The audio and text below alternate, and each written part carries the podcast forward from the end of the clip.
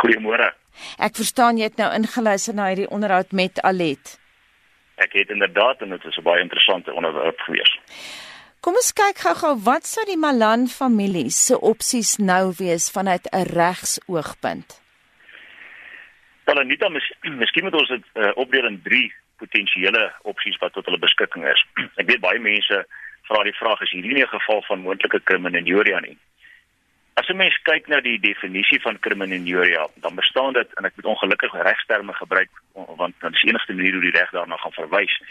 Dit bestaan uit die onregmatige en opsetlike en ernstige inbreukmaking op 'n persoon se dignitas of privaatheid van iemand anderste. Nou, as 'n mens daarna kyk, dan sou daar sekerlik 'n saak uitgemaak kan word dat hierdie dalk kan neerkom op kriminologie.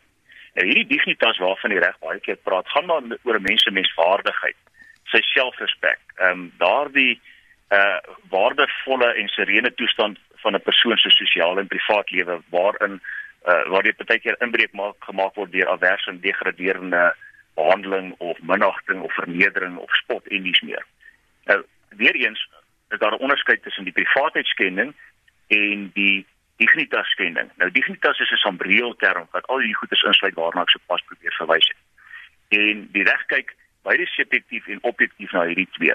As ek dit met 'n gewone voorbeeld kan toelig, wanneer 'n 'n persoon 'n ander persoon sê net maar afloer. Ek loer my buurvrou af sonder haar toestemming. Dan sal daardie subjektiewe toets toegepas word uh, uh, ten minste objektiewe toets toegepas word om te bepaal of haar privaatheid geskend is. Sy hoef nie daarvan te geweet het nie. Aan die ander kant, as ek jou sleg sê en ek beledig jou, dan moet dit tot jou kennis kom en jy moet jy moet daarom iets voel as gevolg van my optrede. Dit is die subjektiewe toets van hierdie kriminologie. Maar ek dink met alle respek ons het hierso meer te doen met wat in die strafreg bekend staan as strafregtelike laster.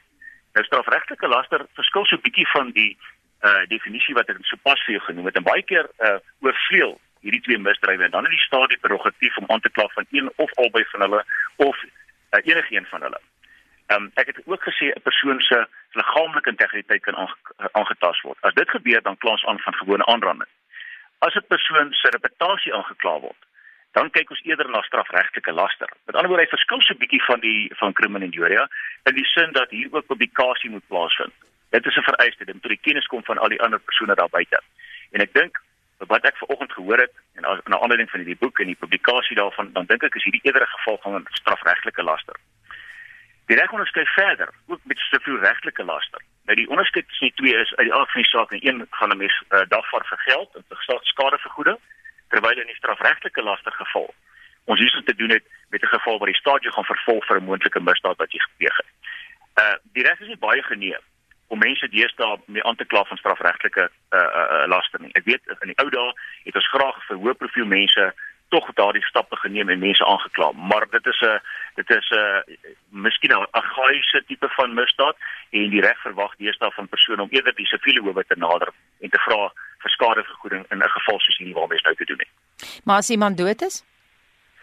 Wel, dit beteken nie die die die die persoon se familie uh kan nie moontlik uh, beledig voel nie uh as gevolg van hierdie optrede. Onthou, hulle het ook 'n reputasie. Hulle het ook 'n uh, uh, menswaardigheid. En ek is sekerlik sal ek myself 'n saak kan uitmaak om te sê maar ten minste direk of indirek is daar 'n handeling wat hulle moontlik kan raak en uh dit kan dit kan elke moontlik op daardie basis uh die hoof siviele hoof benader. Maar ek dink die strafrek gaan verseker nie baie maklik betrokke raak nie.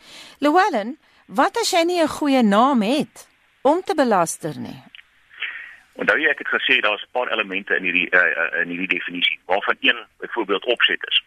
Uh en die reg sê wanneer jy 'n verweer het, waarheid en openbare belang, regsprivilegie of billike kommentaar, dan is dit 'n volledige verweer teen uh so so saak, siviel regtelik sowel as strafregtelik, want dit sal daardie element van opset moontlik uitsluit.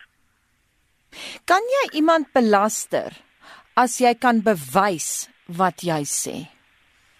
Wel, as jy dit kan bewys, dan bring dit my binne die kader van hierdie waarheid en openbare belang, want as jy iets bewys, dan is dit tog die waarheid. En as jy die waarheid praat, dan kan jy nooit iemand belaster nie en jy kan nie 'n kriminele skuldig wees nie en jy kan definitief ook nie aan sivielregtelike of strafregtelike laster skuldig wees nie. Uh maar met alle respek, ek het geluister na die inset vanoggend en ek is bekommerd oor ten minste twee of drie aspekte. Een waarvan is die aard van die getuienis Wat ek gehoor het hierso is alles gebaseer op hoorsê getuienis. Ek het gehoor, ek het wyd gelees, ek het almal na almal geluister, ek het na my vorige joernaliste kollegas gegaan en hulle insette gekry. Dit is alles hoorsê.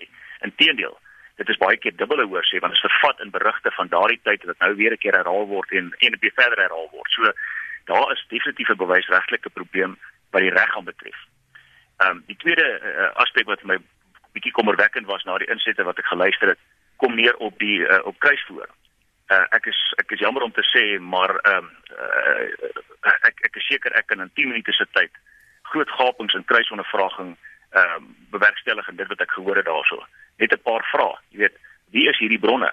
Het jy hierdie bronne spesifiek genader? Hoekom nie?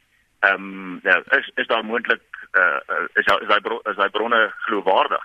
daar's daar's melding gemaak dat hierdie seun Flippie byvoorbeeld van Gert van Rooyen verskeie verklaringe afgelê het dat hy reeds al uh, voor die hof verskyn het vir min ag uh, vir, vir my weet.